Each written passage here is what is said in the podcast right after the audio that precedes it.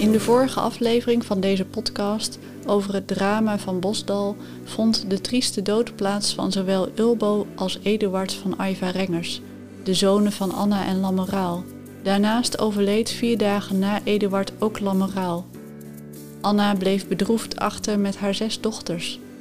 Altijd had ze mannen gehad in haar directe omgeving. Ze was immers de enige dochter van Willem Frederik geweest en had vijf broers, terwijl haar moeder al vroeg gestorven was. Op haar 21ste was ze in het huwelijksbootje met Lammeraal gestapt. De wereld om haar heen bestond uit mannen en werd bestuurd door mannen. En opeens waren ze allemaal weg. Welkom bij een meeslepende reis door de geschiedenis van landgoed Bosdal. Een waar gebeurd verhaal over een landgoed en haar bewoners in de achterlanden van Beek, het huidige Prinsenbeek. Jonkers, graven en baronnen zwaaien er in de voorbije eeuwen de scepter. In de schaduw van de eeuwenoude eiken en mastbomen verrijzen er meerdere prachtige landhuizen. Onder de glanzende façade van rijkdom en wilde smeulen familievetes. Een opsluiting in het Muiderslot, een duel op leven en dood, een vrouw die achterblijft met zes dochters, een charlatan die geld, eer en de goede naam ontneemt. Van verzegelde landgoederen om het overgebleven familiefortuin te bewaken tot het opgeven van de adelstand, het geld en het meest dierbare, je eigen familie. Het lijkt een scenario geschreven voor het witte doek, maar vergist u niet. Elk van deze dramatische wendingen heeft werkelijk plaatsgevonden. Dus luister terwijl we de vergeten archieven ontsluiten en het verborgen verleden ontrafelen. Dit is het ware drama van Bosdal.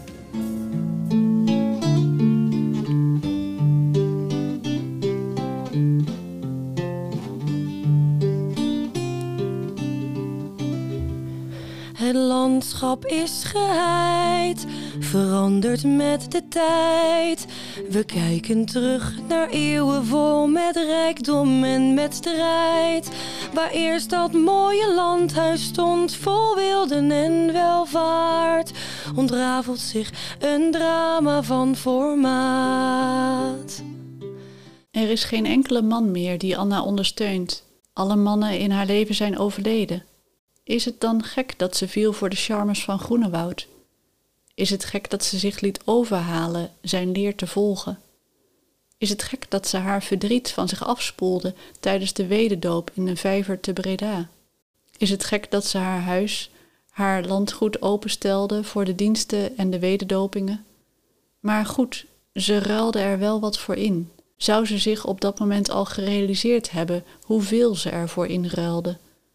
zou ze zich een voorstelling hebben kunnen maken wat voor ongelofelijke draai haar leven en dat van haar dochters zou gaan maken.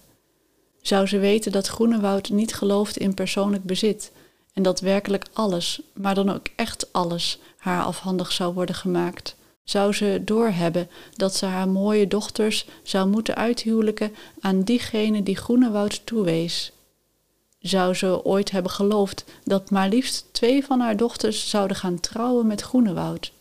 Zou ze het hebben geaccepteerd als ze wist dat polygamie, ofwel veelwijverij, de standaard was? Zou ze kunnen doorgronden dat ze nog geen drie jaar later haar vaderland voor goed vaarwel zou zeggen? Ik denk van niet. Ik denk dat ze bij de kinderen Gods, zoals de secte werd genoemd, slechts in eerste instantie vriendschap vond dat ze het teruggetrokken leven op Bosdal niet langer meer aankon. Ze had waarschijnlijk geen flauw idee hoe ze de pachtboerderijen moest bestieren. Dat was altijd een klus geweest die ze aan haar man had overgelaten. Nu had ze weer een doel in haar leven. Ze kon nauwgezet de Bijbel volgen. Ze had gezamenlijke seances met de andere geloofsgenoten, waar met handoplegging goede diensten werden verricht. De kerken waren tegen deze afsplitsing van de ware leer fel gekant en begonnen zich te roeren. Maar zelfs de lokale predikant lukte het niet om Anna en de dochters ervan te overtuigen dat ze een dwaalleer aan het volgen waren. Ook de moeder van Verdi, Anna Louisa Schoch Obersier, die samen met de rest van de familie in Zwitserland woonde, maakte zich zorgen om haar zoon, ook zij stuurde een dominee op hen af terwijl ze zich allen in de Catharinastraat bevonden. James was ooit predikant bij de Waalse kerk en kent de familie van Aiva Rengers al meer dan 25 jaar. Volgens het dagboek wordt er in aanwezigheid van Anna en haar oudste dochter Mary zeer heftig gesproken met dominee James over het wonder van de doop en de bezieling van broeder Groenewoud. Ook was de dominee met een krachtig gebed door broeder Groenewoud toegesproken. Zo wordt er in het dagboek opgetekend. Het zou zo hevig zijn geweest dat de arme predikant nogal beduust is vertrokken. Ook een andere Belgische predikant kwam langs. Hij zag niets anders dan dweperij in de geloofsleer van de kinderen Gods en stelde de dwaalleer gelijk met die van de wederdopers van Münster. Ook hij werd met een donderpreek uit het huis aan de Catharinastraat verdreven. Niet alleen de kerk maakt zich zorgen om deze ontwikkelingen. Louis, de broer van Anna, had inmiddels contact opgenomen met het ministerie van Oorlog in Den Haag. Hij verzocht of luitenant Ferdi Schoch overgeplaatst kon worden naar Maastricht. Daarmee zou de secte zijn uitvalsbasis aan de Catharinastraat moeten opheffen.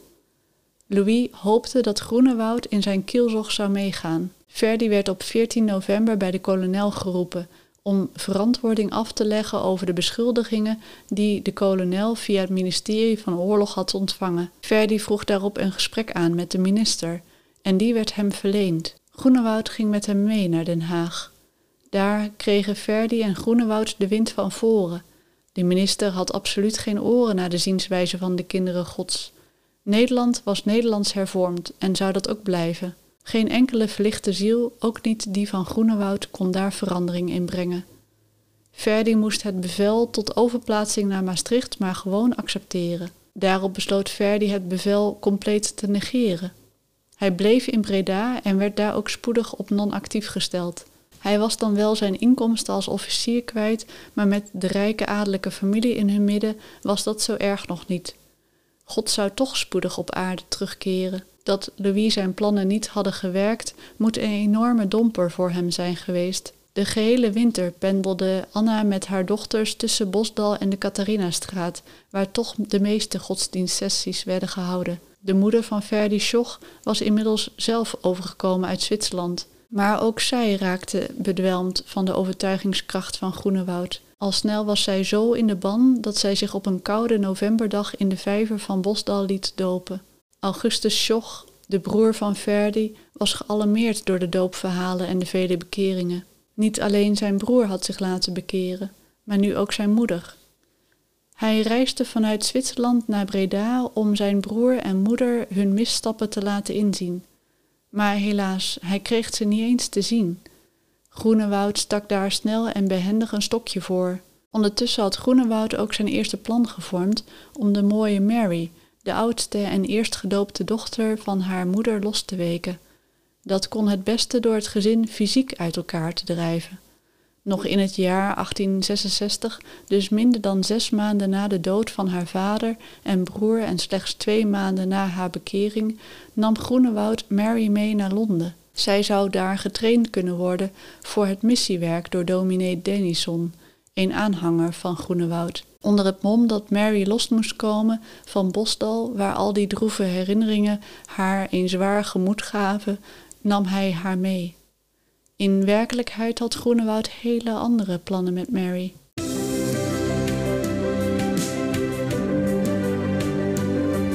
In het vroege voorjaar van 1867 probeerde Ernest Schoch, een andere broer van Verdi, opnieuw hen van de dwaalleer te overtuigen.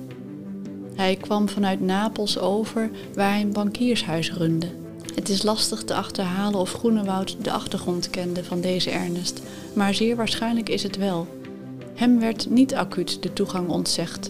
Juist verre van. Hij werd met alle egaars ontvangen en spoedig begon Groenewoud zijn overtuigingskracht op hem uit te voeren. Binnen vier dagen was hij bekeerd en gedoopt in de vijvers van Bosdal. Nu Verdi door het leger op non-actief was gezet, werd er afgesproken dat hij en zijn broer Ernest naar Napels zouden afreizen om daar een commune te stichten. De 144.000 zielen die bekeerd zouden moeten worden, waren immers nog lang niet bereikt. Onderwijl kon dan moeder Schoch terug naar Zwitserland om daar August over te halen om toe te treden. Dat bleek in eerste instantie toch niet zo eenvoudig, maar Groenewoud reisde moeder Schoch snel achterna en al spoedig was ook dat klusje geklaard. August werd opgenomen als een van de kinderen Gods. Het opzetten van de secte kwam in een stroomversnelling terecht. Niet alleen aan de Catharinastraat waren er kinderen Gods aan het proberen hun geloofsovertuiging te verspreiden, maar dus nu ook in Zwitserland en Engeland werd er aan de weg getimmerd. Het is niet helder uit enige correspondentie op te maken, maar zou Groenewoud toen reeds zijn begonnen met het vragen van financiële ondersteuning aan Anna voor het steunen van de missie? Hij reisde immers veel in die tijd en het geld moet toch ergens vandaan zijn gekomen. Om moeder Anna zoveel mogelijk te kunnen beïnvloeden, stuurde hij ook de dochter Sarah weg.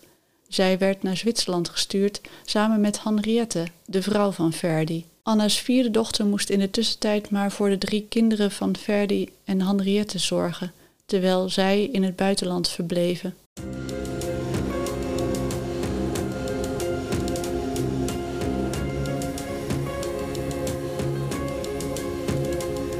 Omdat Bosdal nog altijd geen man aan het roer had staan, werd er op voordracht van Groenewoud Nicolaas Pos uitgenodigd om samen met zijn zwangere vrouw daar in te trekken. Pos was eerder door Groenewoud bekeerd toen zij beiden in Zuid-Afrika missionarissen waren. Net zoals Groenewoud was ook Pos weer teruggekomen naar Europa. Eerst had hij met zijn vrouw en drie kinderen in Leuven gewoond, waar hij predikant was geweest. Maar al snel werd hij de kerkgemeente uitgezet mogelijk omdat hij aanhangers probeerde te ronselen voor de secte. Dus het was perfect om hen dan op Bosdal te laten intrekken met zijn gehele familie. Ook Anna leek daar blij mee te zijn. Er was dan eindelijk weer een man op het landgoed om de pachtboerderijen te bestieren. Al snel liet zij alle beslissingen over aan Pos. Het personeel zag deze wisseling met ledenogen aan. Het is niet duidelijk of Pos onhaalbare eisen stelde of dat het personeel gewoon niet kon wennen aan deze niet-adellijke man die opeens daar alle lakens begon uit te delen. Hoe dan ook, één voor één namen zij ontslag. Anna liet het allemaal maar gebeuren. Alleen Anna's tweede dochter, eveneens Anna geheten, had nog altijd weerstand weten te bieden tegen de verleidingen. Het is onduidelijk waarom zij niet verleid is geraakt door Groenewoud. Wellicht was zij reeds uit huis toen Groenewoud de levens op Bosdal kwam ontwrichten.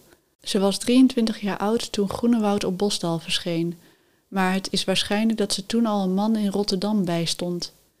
Ene Evert Willem Schallenberg, die al vroeg weduwnaar was geworden. Zij bleef de enige van de dochters die zich niet liet verleiden tot doop. In de zomer van 1867 had Ernest Schoch, de bankierseigenaar, Sarah van Aiva Rengers ten huwelijk gevraagd. Uit het dagboek van de secte blijkt dat dit op voordracht van de commune zo werd gearrangeerd. Ernest had in Napels een medestander nodig die hem zou kunnen helpen met het missiewerk. En Sarah was aangewezen voor deze taak. Sarah heeft daarop zich een dag lang in gebed geworpen. Alles ging nu wel erg snel. En dan was er ook nog het standsverschil. Ernest Schoch was niet van adel. Maar na een dag van overpeinzingen zegt ze toch ja tegen Ernest. Wel werd dit nieuws in eerste instantie verzwegen richting de familie van Wieland. Ze waren opnieuw bang voor de negatieve reacties. Pas toen het huwelijk aanstaande was, werden alsnog de broers van Anna uitgenodigd. Op 8 oktober 1867 trouwde Sarah met Ernest op het gemeentehuis te Prinsenhagen. Echter vele ooms en hun vrouwen woonden de ceremonie niet bij. Het had tot veel commotie geleid in Den Haag. Trouwen met een sectelid die niet eens van adel was, dat deed je niet. Binnen de Haagse tak van de Van Bieland-familie schaamde men zich diep voor de keuzes van Anna en haar dochters om zich aan die gehekelde secte te verbinden. Maar s'avonds was het feest op de Catharinastraat. De eerste trouwerij binnen de kinderen gods was een feit. De volgende ochtend ging Ernest met zijn vrouw Sarah al vroeg richting Napels. Niet alleen het bankiershuis behoefde aandacht, de missie moest daar verder gestalte krijgen. In de zomer van 1867 vertrok Groenewoud weer naar Kaap de Goede Hoop. Zijn commune daar had hij immers voor meer dan een jaar achtergelaten. Het is niet duidelijk of Groenewoud eerder iets had laten weten over het beloofde land en of hij iets verkondigde over waar men God, als het einde der tijden zou aanbreken, zou moeten treffen. Hoe dan ook, niet veel later keerde hij opnieuw terug naar Bosdal. Groenewoud, zo lezen wij in het dagboek van de secte, had in Afrika een openbaring van God ontvangen. De ondergang van de wereld zou nu toch echt spoedig nabij zijn.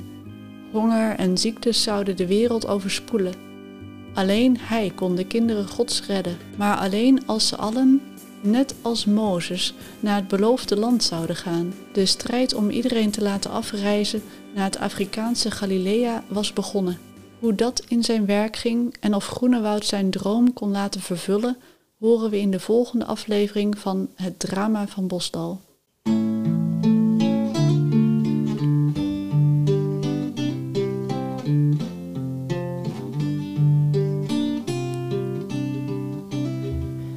Het landschap is geheid, verandert met de tijd. We kijken terug naar eeuwen vol met rijkdom en met strijd. Waar eerst dat mooie landhuis stond, vol wilden en welvaart, ontrafelt zich een drama van formaat. Deze podcast begeleidt het boek van de Heemkundekring Op de Beek, genaamd Landgoed Bosdal, een verborgen verleden. Het boek onthult het volledige verhaal van het landgoed, gedetailleerd en verrijkt met talloze afbeeldingen. De auteurs Chris Peters en Sjoerd Eventens hebben nauwgezet door de vergeten archieven gespit om het ware verhaal te reconstrueren. Dit vormt het laatste deel van een drieluik, voorafgaand door twee geromantiseerde verhalen die de roemruchte geschiedenis van Bosdal belichten. Voor informatie over de boekverkoop ga naar de website van onze Heemkundekring hk-opdebeek.nl en selecteer submenu winkel. Meer informatie is ook te vinden in de show notes. Vond u het leuk om te luisteren naar de podcast? Help ons dan door het met anderen te delen of ons een like of een review te geven.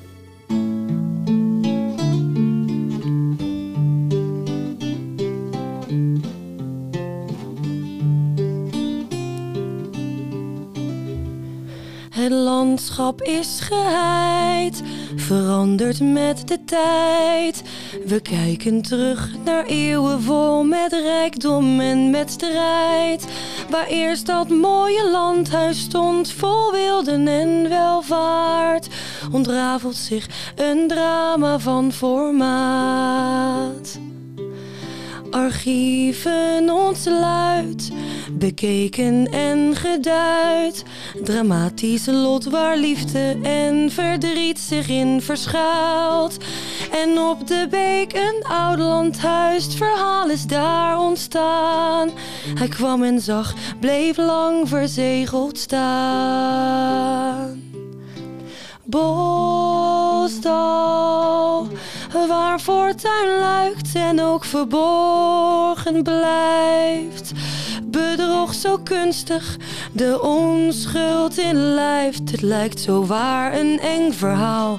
Een landgoed nu zo kaal. Herleeft de oude tijd massaal.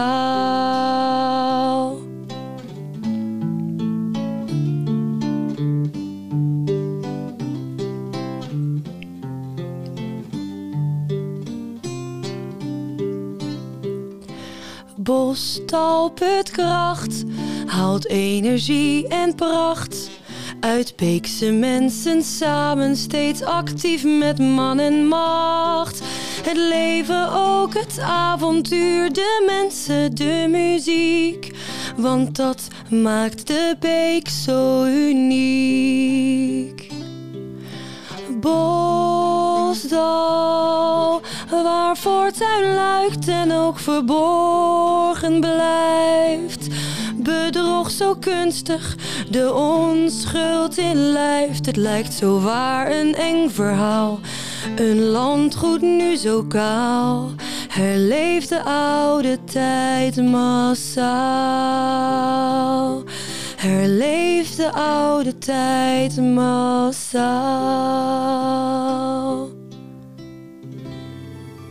Deze podcast werd mede mogelijk gemaakt door de Mastboom Brozen Stichting. Het Bosdallied gezongen door Florianne Spijkers met gitaarbegeleiding van Anton Spijkers. Verteller Anneke Eftens. Liederen opgedragen aan Aspasia Kraan zijn ingezongen door Toos Teerhuis en op gitaar begeleid door Jan Naalde.